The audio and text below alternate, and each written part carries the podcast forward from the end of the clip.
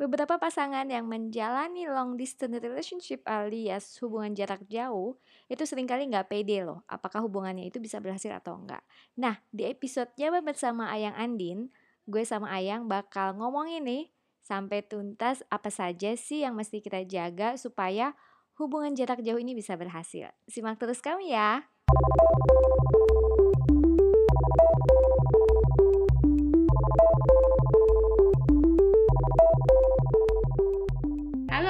Ayang, selamat malam. Hai Andin, selamat malam juga. Alhamdulillah kabar baik tentunya. seneng banget, seneng banget kita rekaman lagi loh. Eh, eh, bentar lagi kita ngeluarin album loh. Walaupun sebenarnya lebih senang kita ketemuan ya kalau kita ngerekam podcast Iya ini ya. benar. Biasanya lebih spontan ya kalau pas ketemuan ya. Heeh, kalau ketemuan tuh lebih Hmm. spontan karena kan kita ngeliat nih Ayang juga kayak gimana walaupun walaupun sebenarnya kalau pakai online juga kita bisa ngeliat kamera tapi rasa rasanya agak berbeda memang. Betul. Makanya Makanya teman-teman ini memang godaan banget ya untuk eh, gimana caranya bisa menjaga protokol kesehatan tapi tetap bisa memenuhi kebutuhan untuk bersosialisasi. benar. Oke, Mm-mm. anyway, tema Mm-mm. malam ini ini agak-agak berhubungan dengan pandemi juga, Ayang. Oke, kenapa lagi? Jadi eh, ada beberapa teman gue dan juga ada klien Ayang yang datang Mm-mm, kan betul. untuk berkonsultasi mengenai LDR (Long Distance Relationship) baik itu yang pasangan sudah menikah, yang Ataupun baru lama tapi sudah menikah ataupun yang baru berpacaran yes. atau lagi menjajaki untuk menjadi eh, suami atau istri gitu Yes, ya. betul. Ini mau cerita dari Ayang duluan apa dari aku duluan?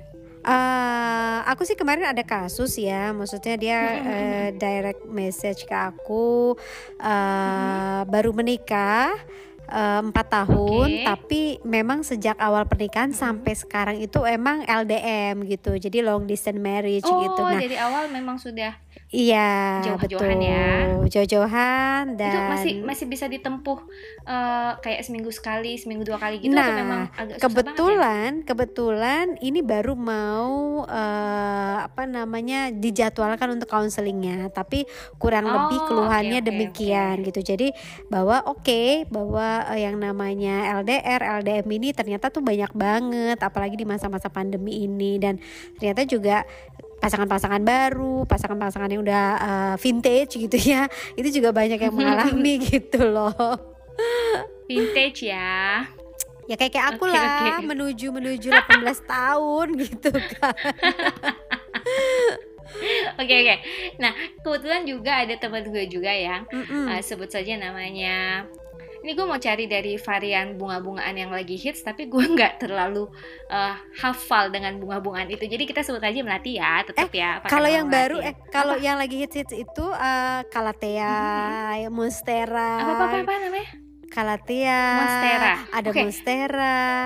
Oke, Kamu mau kalau gue sebut Monstera nih kasihan juga ya. Kayaknya gimana gitu. Oke, Calathea ya. Apa tadi namanya? Iya, Calathea. Calathea. Heeh. Calathea. Oke, jadi sebutlah si Calathea ini Mm-mm.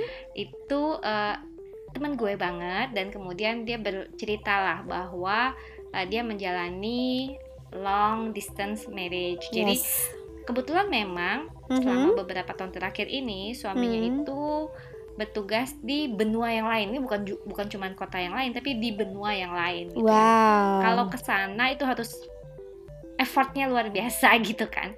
Nah, jadi si teman gue ini ya, jadi dia itu sudah menjalani pernikahan uh, long distance. Cuma tadinya nggak ada masalah. Nah, sampai uh, waktu pandemi dimulai bulan Maret, dia tadinya tuh udah mau Yes. kembali, mau kembali ke Indonesia.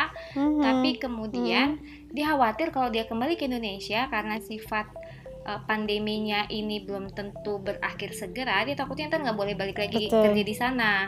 Dan Oh. Mm, dan Indonesia ini kan sebenarnya kasusnya agak terlambat ya dibanding negara-negara di Mm, Eropa mm, atau mm, di mm, uh, mm, Cina, mm, Asia mm. lainnya gitu ya. Nah itu Mm-mm, uh, dia khawatir juga nanti kalau misalnya dia balik uh, ke Indonesia, mm-mm. kemudian ternyata dia nggak bisa kembali ke sana, uh, akibatnya mata pencahariannya hilang gitu kan. Dan uh, Betul. kita tahu lah ya kalau bekerja di luar negeri itu memang secara penghasilan kan jauh lebih baik daripada di Indonesia betul uh, temen gue itu ya. jadi akhirnya ya dia awalnya mikir oh ya paling cuma berpisah berapa bulan gitu ya nggak sampai bertahun-tahun tapi ternyata Mhm. sekarang sudah ulang tahun ayang jadi udah udah udah Oh. satu tahun lebih mereka berpisah karena Hmm. pandemi ini ya Kayak ya gitu. ya ya oke ya jadi sekarang apa yang harus dilakukan nih yang oleh teman-teman yang menikah tapi kemudian harus menjalani hidup terpisah karena pandemi kita Iya. coba bahas Kalau dari yang- tips-tipsnya bagaimana Oke, nggak. Jadi kalau misalnya mereka dari awal itu memang sudah terpisah, itu sebetulnya mereka proses adaptasinya nggak terlalu sulit lah ya, gitu kan? Karena sudah ada konsekuensinya bahwa ini akan akan beda eh, kota, bahkan bisa beda negara, misalnya karena tugas belajar atau dinas dan lain sebagainya. Tapi kalau kayak pandemi ini kan nggak bisa diprediksi ya, memang bener kata kata kamu tadi kayak misalnya temanmu yang eh, apa kalatea tadi gitu jadi dia nggak pernah bisa mempre nggak bisa memprediksi. Nah tiba-tiba ada deh katastrofi seperti ini kan wabah ya. Nah tipsnya yang paling utama sih sebenarnya kuncinya ada pada komunikasi ya mau bagaimanapun juga ya. Jadi beruntungnya sekarang itu kan kita hidup di zaman teknologi canggih ya Din ya jadi pemanfaatan teknologi audio, eh, kemudian visual, terus kemudian eh, texting itu udah udah eh, udah lebih mudah. Bukan lebih mudah ya memang sangat dimudahkan sekali gitu. Sehingga memang eh, afeksi itu diberikan ya eh, melalui tampilan-tampilan yang bisa di, eh, di di apa ditampilkan secara visual melalui teknologi sih gitu jadi afeksi eh, kasih sayang Hmm, uh, intimacy itu juga banyak orang Ya, yang bisa ya, ya. banyak yang memang pada akhirnya memanfaatkan uh, akses teknologi ini sih untuk Teknologi. untuk Ah, tetap bisa Jadi attach ya dengan pasangannya. betul Berarti sebenarnya itu tetap harus dibangun ya yang ya? Walaupun katakanlah lo terpisah jauh dengan pasangan lo misalnya dengan suami atau dengan istri Mm-mm. bagaimanapun Mm-mm. tetap harus dibangun gitu kan?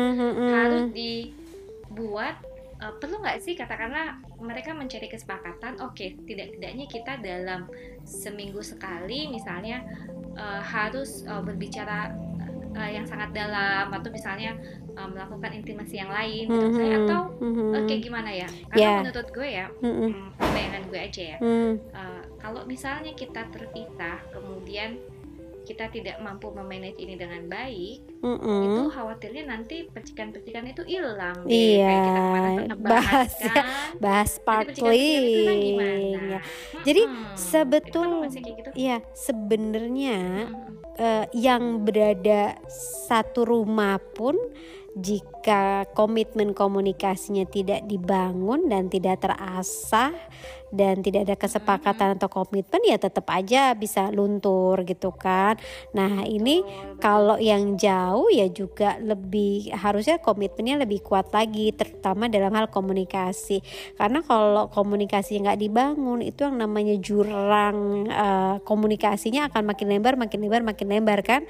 Justru nanti mulailah berkurang eh, apa trust terus cinta Iya, iya, iya, respect gitu. Jadi eh, kebutuhan-kebutuhan lain. Nah banyak sih yang akhirannya terkait sama kebutuhan biologis nih Din gitu. Kalau kita bicara Mm-mm. yang sudah eh, LDM sudah marriage Menikah, gitu ya sudah menikah. Jadi eh, ya masing-masing pihak perlu untuk mensiasati gimana caranya kebutuhan biologis itu tetap bisa terpenuhi gitu walaupun jaraknya jauh gitu. Nah itu juga perlu adanya kesepakatan kesepakatan dengan pasangan. Entah eh, seminggu sekali dia pulang kah ya kan? Atau misalnya sebulan sekali. Nah kalau jaraknya jauh gimana? Nah itu tergantung kesepakatan bersama gitu. Jadi maunya seperti apa? Terus kemudian eh kalau mau dikatakan seberapa sering. Nah ini aku juga punya kasus yang eh, bukan kasus sih temen gitu ya. Jadi memang suaminya dulu di Qatar lama banget. Tapi bondingnya kuat karena daily itu mereka rajin atau rutin untuk saling berkabar gitu. Jadi betul, betul. Kadang-kadang kabar itu kan juga sebenarnya hanya laporan kegiatan kan. Hari ini ngapain ya. gitu ya. Uh, oh hari ini anak-anak sekolah daring misalnya. Padahal besokannya begitu lagi begitu lagi. Tapi iya nah, kan ngulang-ngulang ya. gitu kan. Tapi gitu ya. Jadi memang keterampilan komunikasi ini memang harus dimiliki Benar, oleh pasangan terutama ya ketika kita memang long distance marriage ini contohnya tadi yang teman ayah bilang ya betul. juga sempat sih punya uh, pasangan gitu sempat punya pacar yang uh, long, long distance gitu ya oh kamu ya. pernah punya Tapi ya memang, jarak jauh ya oke okay lah terus juga maksudnya memang keterampilan komunikasi itu memang harus dibutuhkan sekali mm -mm. kalau kita jadi bukan sekedar nanya lu udah makan belum? Makan sama siapa? Itu kayak mm -hmm. jadi kayak hmm, gimana ya kedengarannya jadi kayak kaset. Rusak gitu lo makan di mana sama siapa makannya apa. Dan lama-lama yang jadi terkesan lu basa-basi doang ya yeah, gitu.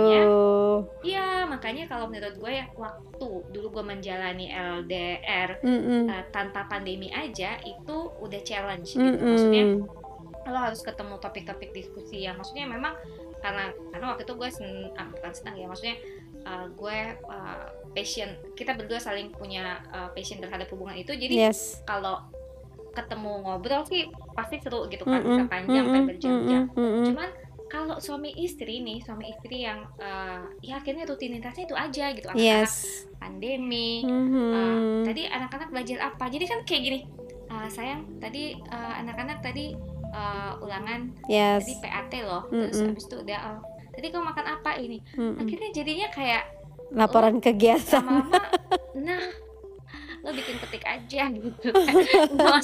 template kopas lebih jadi buat uh, buat template buat kopas eh di kopas gitu ya. yes. ya itulah nah, makanya gue challenge penting, betul, ya kan? betul, betul, betul.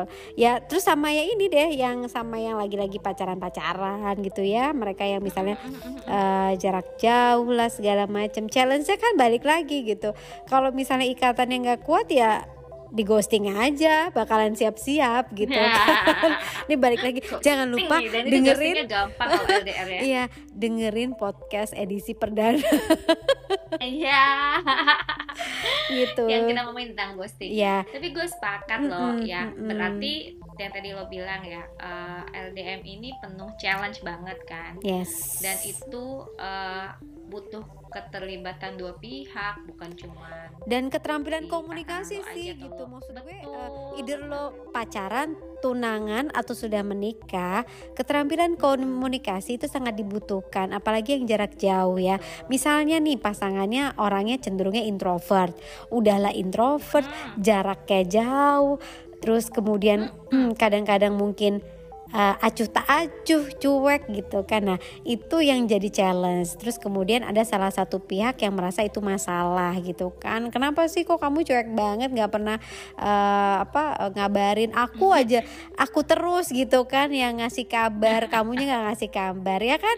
Ada kadang-kadang kebutuhan Yoi. kayak gitu gitu. Nah Kadang tapi masalah jadi masalah gini loh ya. Uh -uh. kalau misalnya lo keterampilan komunikasi lo nggak bagus ya misalnya terus uh -uh. lo berpasangan. Uh -uh. saat misalnya kita merasa uh, antusiasmenya kok berbeda atau yes. jangan kamu cuma nanya basa-basi kalau ditanya misalnya kamu udah makan mm -mm. kadang cuma mm -mm. ya sayang kamu makan apa misalnya mm -mm. salah satu pasangan berkata begitu terus mm -mm. jawabannya cuma UDH Oka gitu Oka, kan iya. ya ya aduh gitu ya nah kadangkala itulah teman-teman yang bikin ya gimana ya hubungan lo uh, semakin lama renggang kurang percikan karena menurut gue kualitasnya betul, ya menurut gue itu kualitas perlu dimiliki betul kualitasnya hmm. menjadi renggang karena menurut gue yang tadi yang bilang keterampilan komunikasi itu kan bagaimana suatu pesan betul. dari sender mm -mm. ke receiver itu bisa nyampe Bener. sesuai dengan harapan sender yes jadi uh, lo harus memastikan nih ketika proses berkomunikasi lo harus jelas memastikan bahwa pesan yang lo mau sampaikan ya sesuai dengan apa yang lo harapkan atau ya, tunjukkan gitu loh jadi jangan sampai uh, ya udah lu sending mm -hmm. message ya apa diterimanya apa mengkode mengkodekannya beda pula gitu ya jadi uh, nah. jangan dikira nih pasangannya jauh terus bisa membaca dari jarak jauh wow sedangkan deket nah. aja deket aja nggak bisa ngebacanya masalah, apalagi Yoi. kalau jauh gitu intinya sebenarnya semua kuncinya okay. di, di uh, komunikasi, komunikasi. Kom yes, yes, yes, komitmen yes, yes. untuk misalnya komitmen untuk mau berkomunikasi gitu loh jadi uh, apa pun itu dibicarakan terus kemudian yes. dicari jalan tengahnya. Karena kalau udah urusannya uh, apa kayak misalnya gini urusan menikah itu kan panjang ya panjang kali lebar kali tinggi dalam ya kedalamannya tuh dalam banget gitu kan. Nah sementara kalau yang pacaran kan belum ada komitmen apa apa ya udahlah ntar putus cur ganti lagi gitu ya. Uh, bisa kenalan melalui uh, apa platform A, B, C, D gitu kan banyak kalau sekarang kan gitu. Sampai LinkedIn aja bisa dipakai. Iya, iya gitu kan. Jadi seru banget. Gue juga lihat tuh beberapa beberapa uh, viral di TikTok gitu-gitu loh. Jadi TikTok, terus di Instagram juga.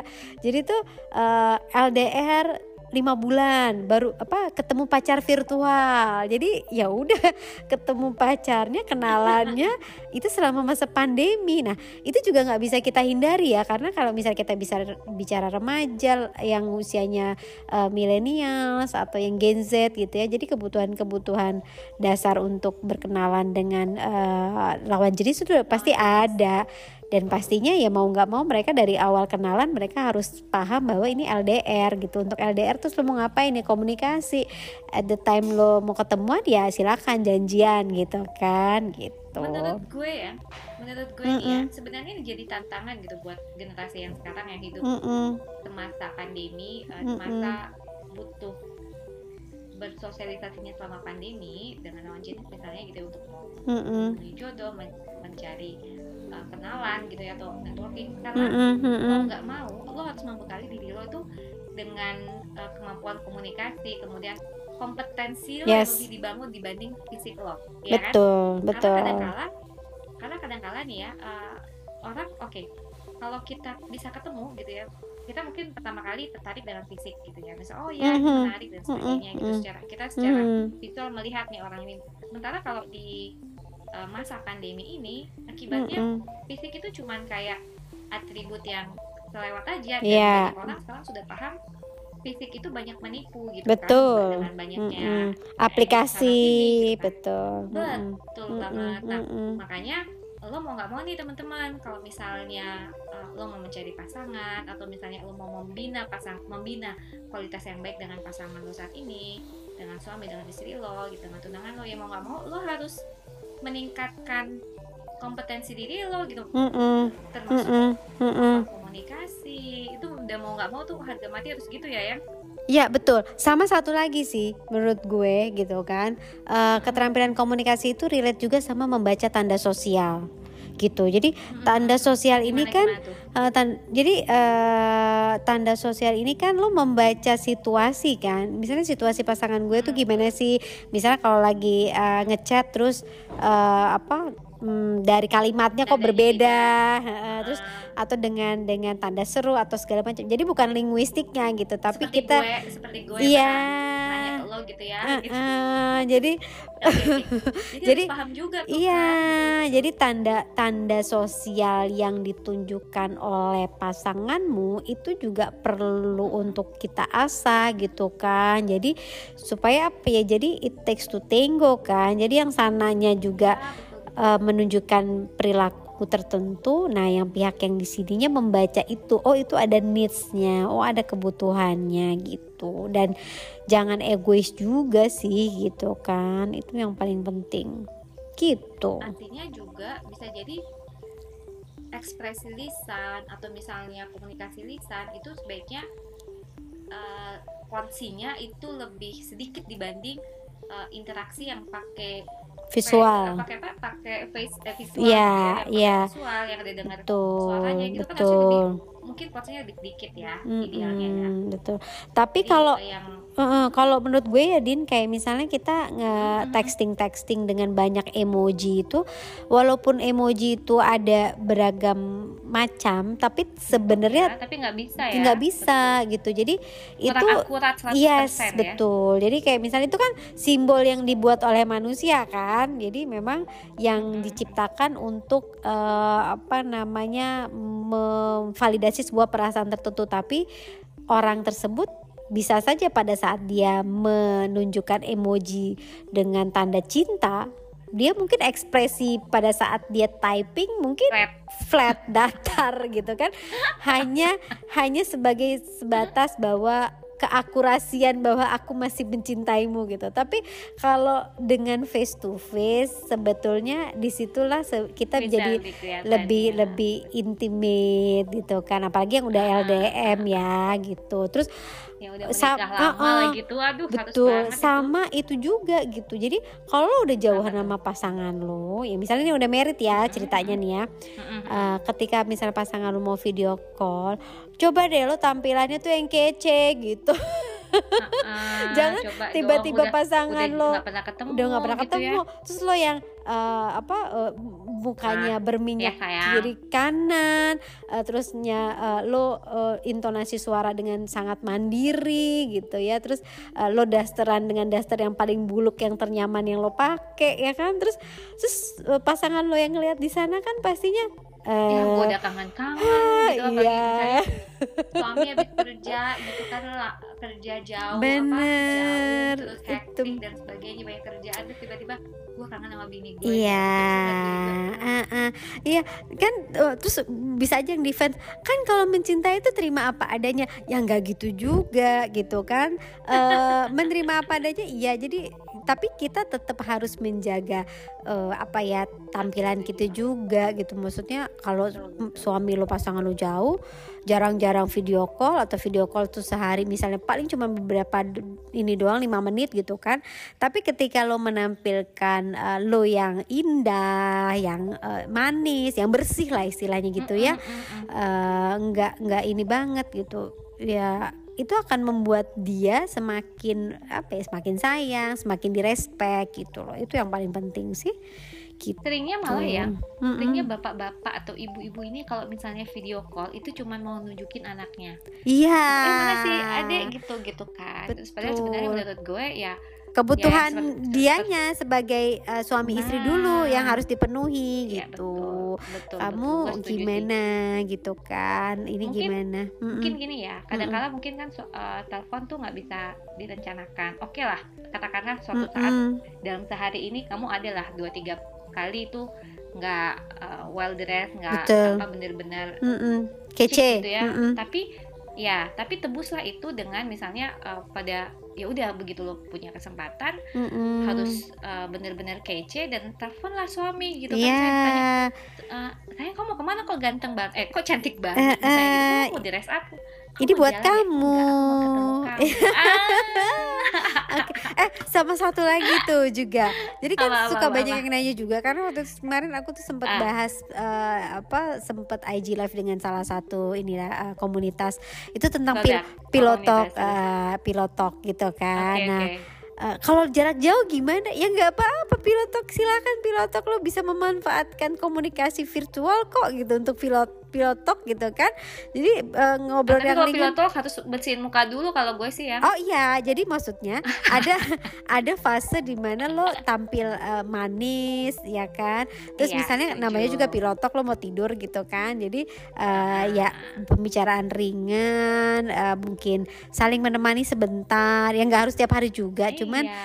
cuman itu dijadikan sebuah ritual gitu, gitu sih sebenarnya. Iya iya iya. Mm. Ada yang lucu, ini juga kan salah satunya menjalani uh, LDM juga ya udah Mm-mm. baru tiga bulan sih karena dia Mm-mm. jadi mereka itu mereka itu karena sekarang udah bisa video video call grup kan jadi Ah, anaknya iya. kebetulan uh, uh, jadi anaknya juga udah ada Smartphone. jadi mereka lucu heeh. jadi dan mereka tuh membiasakan ada yang kekhasan-kekhasan misalnya salam lumba-lumba gitu jadi setiap Ah-ah. setiap mau uh, apa mau udahan atau mau jadi mereka udah oh ada ritual yang Iya, dibangun iya, gitu iya, sehingga iya. iya sehingga nggak kekurangan kualitas ya gitu Betul. dan itu harus harus dilakukan gitu bagaimanapun jadi kalau Yes. menurut gue sih sebenarnya teman-teman yang LDM saat ini sebenarnya lebih terbantu dibanding mungkin lima tahun atau 10 tahun lalu yang video call itu belum belum support banget gitu kan Benar, harus benar. mungkin Skype gitu kan Skype Skype Skype kan nggak semuanya juga eh, bisa gitu Iya, nggak- banyak yang nggak fasih juga lah ya kalau kita Mm-mm, bicara betul, yang betul betul yang Nah, eh, pernikahan-pernikahan ya, kalau vintage itu. kalau sekarang kan lebih enak kan Mm-mm. Jadi itu tadi mungkin teman-teman jangan sampai terjebak sama karena merasa sudah suami istri atau sudah uh, pasangan lama-lama gitu Mm-mm. akhirnya nggak perlu memperlakukan pertemuan virtual itu sebagai sesuatu yang istimewa. Jadi tetap Ya. harus diperlakukan yang tadi yang bilang kan Mhm. dandanlah dulu punya topik lah yang berkualitas Mm-mm. untuk diomongin gitu sehingga juga cuman laporan "Kamu kan kegiatan. pakai apa Heeh. tadi ke mana aja gitu kan Makannya Tadi pakai apa? gitu. Makan pakai apa? Ay, pakai ayam. Loh, kok makannya pakai ayam lagi? Kemarin kan udah loh. Malah bahas yang aduh itu nggak harus dibahas loh gitu kan. ya keseruan-keseruan LDR itu sebenarnya bisa aja loh ada gitu. Jadi teman-teman yang LDR atau yang Betul. LDM jangan sedih gitu. Banyak keseruan-keseruan yang bisa kamu uh, punyai kayak gitu. Oke. Kalau Gimana ya? gue ya, Din, eh belum. Kalau gue pribadi, gue bukan orang yang bisa LDR. Oh iya iya gitu iya. LDR atau LDM tuh gue nggak bisa gitu jadi ah, ah, jadi kayak misalnya suami gue dulu itu adalah tipikal yang pasti bisnis trip itu setiap minggu gitu Mm-mm. nah ternyata eh, gue nggak pernah menunjukkan ini ya maksudnya oh ya oh berangkat oh berangkat tapi sepertinya dia membaca tanda sosial itu Hmm, gitu jadi eh, membaca ya. kegeli Si Uda ya baca membaca tanda tanda sosial. kegelisahan Uh, uh, terus kemudian dia akhirnya ngomong dong sama uh, apa namanya timnya sama atasannya. Saya uh, mau dipromosikan tapi bisa nggak tidak di yang mengharuskan saya tuh bisnis trip weekly gitu. Dan akhirnya itu diakomodir gitu. Alasannya kenapa? Dan gue gue tahu dari temen gue yang kebetulan iya iya. Jadi temen gue itu cerita ke gue gitu Ah, kan. jadi uh, kebetulan satu kantor Ah, kan. Ah, dan ah. dia di SDM juga gitu di HR jadi Ah, ah, ah. kenapa kok nggak mau uh, Dajon? Di manggilnya Dajon juga eh ketahuan deh suami gue namanya siapa? Gitu kan. Da- Dajon gitu kan. Jadi ternyata ya karena saya nggak mau ninggalin istri saya gitu istri saya apa ya gitu lah yang ngomong bukan karena gue nggak boleh tapi nggak mau ninggal ninggalin gitu oh so sweet banget gak sih Iya. gitu kan jadi Aku kan tahu mungkin aku karena kan kenal mem- Dajon. Jadi aku tahu pasti dari begitu. dulu ya Hmm. iya jadi eh, maksudnya ya akhirnya ya karena dia membaca tanda sosial gua nggak bisa begitu gitu Mm-mm, kan mm-mm. nah jadi sebenarnya ke- ke- kepekaan itu jadi penting sih Yes, gitu yes, yes. Nah, berarti teman-teman juga harus melatih nih Begitu ceritanya. gimana caranya melatih tanda Mm-mm. sosial, mem- meningkatkan membaca tanda sosial, meningkatkan kemampuan komunikasi. Mm-mm. Yang nanti kita adakan pelatihannya Betul. tuh kok salah jadi pelatihan. Oh, mungkin eh seru juga kita adakan bener. webinarnya lu podcast kita kita Oh iya ada benar-benar. kita mengasah keterampilan sosial Iya, dan iya, membaca betul. tanda tanda, tanda sosial. tanda sosial Iya, iya benar-benar. untuk benar. Pasangan ah cocok Itu deh. kita bikin ya. Oke. Jadi sementara berarti kita harus closing dulu nih biar eh, nggak kita omongin Oke. semuanya dan bisa kita sampaikan di betul pelatihannya. betul Itu jualannya Yes, kok yes, yes. Eh, ini Uh-uh. ya kelihatan banget ya teman-teman ya. ya. Oke, seru dong. Oke, ada lagi nggak yang yang mau diomongin udah ke teman-teman sih nih? itu aja udah itu aja semoga eh, tetap penuh cinta semuanya Yes, tetap pelihara lah hubungan dengan pasanganmu, dengan suami, istri, Betul. tunangan gitu ya, atau baru pacar. Mhm, Sebisa mhm. mungkin pandemi ini malah menjadikan hubungan itu benar-benar teruji eh, sebagai sesuatu yang Betul. berkualitas gitu kan. Kalau memang nggak pas ya udah Yes. tinggalin aja. Tapi kalau memang akhirnya kamu merasa ini ada peluang ya perjuangkan lah yang tadi Mhm. eh, yang bilang. Banyak tipsnya yang bisa dilakukan. Ya. Oke.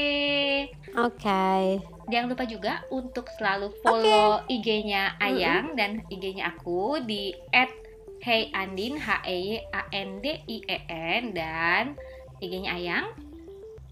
at ayang Irma Tulisannya gimana kakak? udah kan udah tahu Tahu dong, gitu. Ayangnya A Y A N K Irma. Oh Ayang, N K I R M A Iya, Hmm, ada yang bilang nih, Apa tuh? Gue lupa siapa temannya. Eh, siapa nama teman gue ya? Hmm. Sempat ngomong gini. Gue kira tadinya bukan Hmm. Ayang Irma tapi Ayan Kirma ah bisa aja lo gue bilang tapi serius dia bilang tapi serius loh karena gue pikir "Ah, ini Oh, Ayeng, Ayeng gitu. ah enggak A Y A N Ayan Kirma kenapa ada orang namanya Ayan Ah. Kirma oke jadi tuh jangan lupa Oh my follow. IG-nya Ya, ya, ya, Ayang ya, ya. dia mungkin harus pelatihan ya ah. Ah, Yes. uh. IG-nya Ayang dan IG-nya aku. Dan kalau kau masih punya Ah, ah. pertanyaan bisa DM kami berdua Mhm. atau uh, tulis email di nyaman bersama podcast at gmail.com.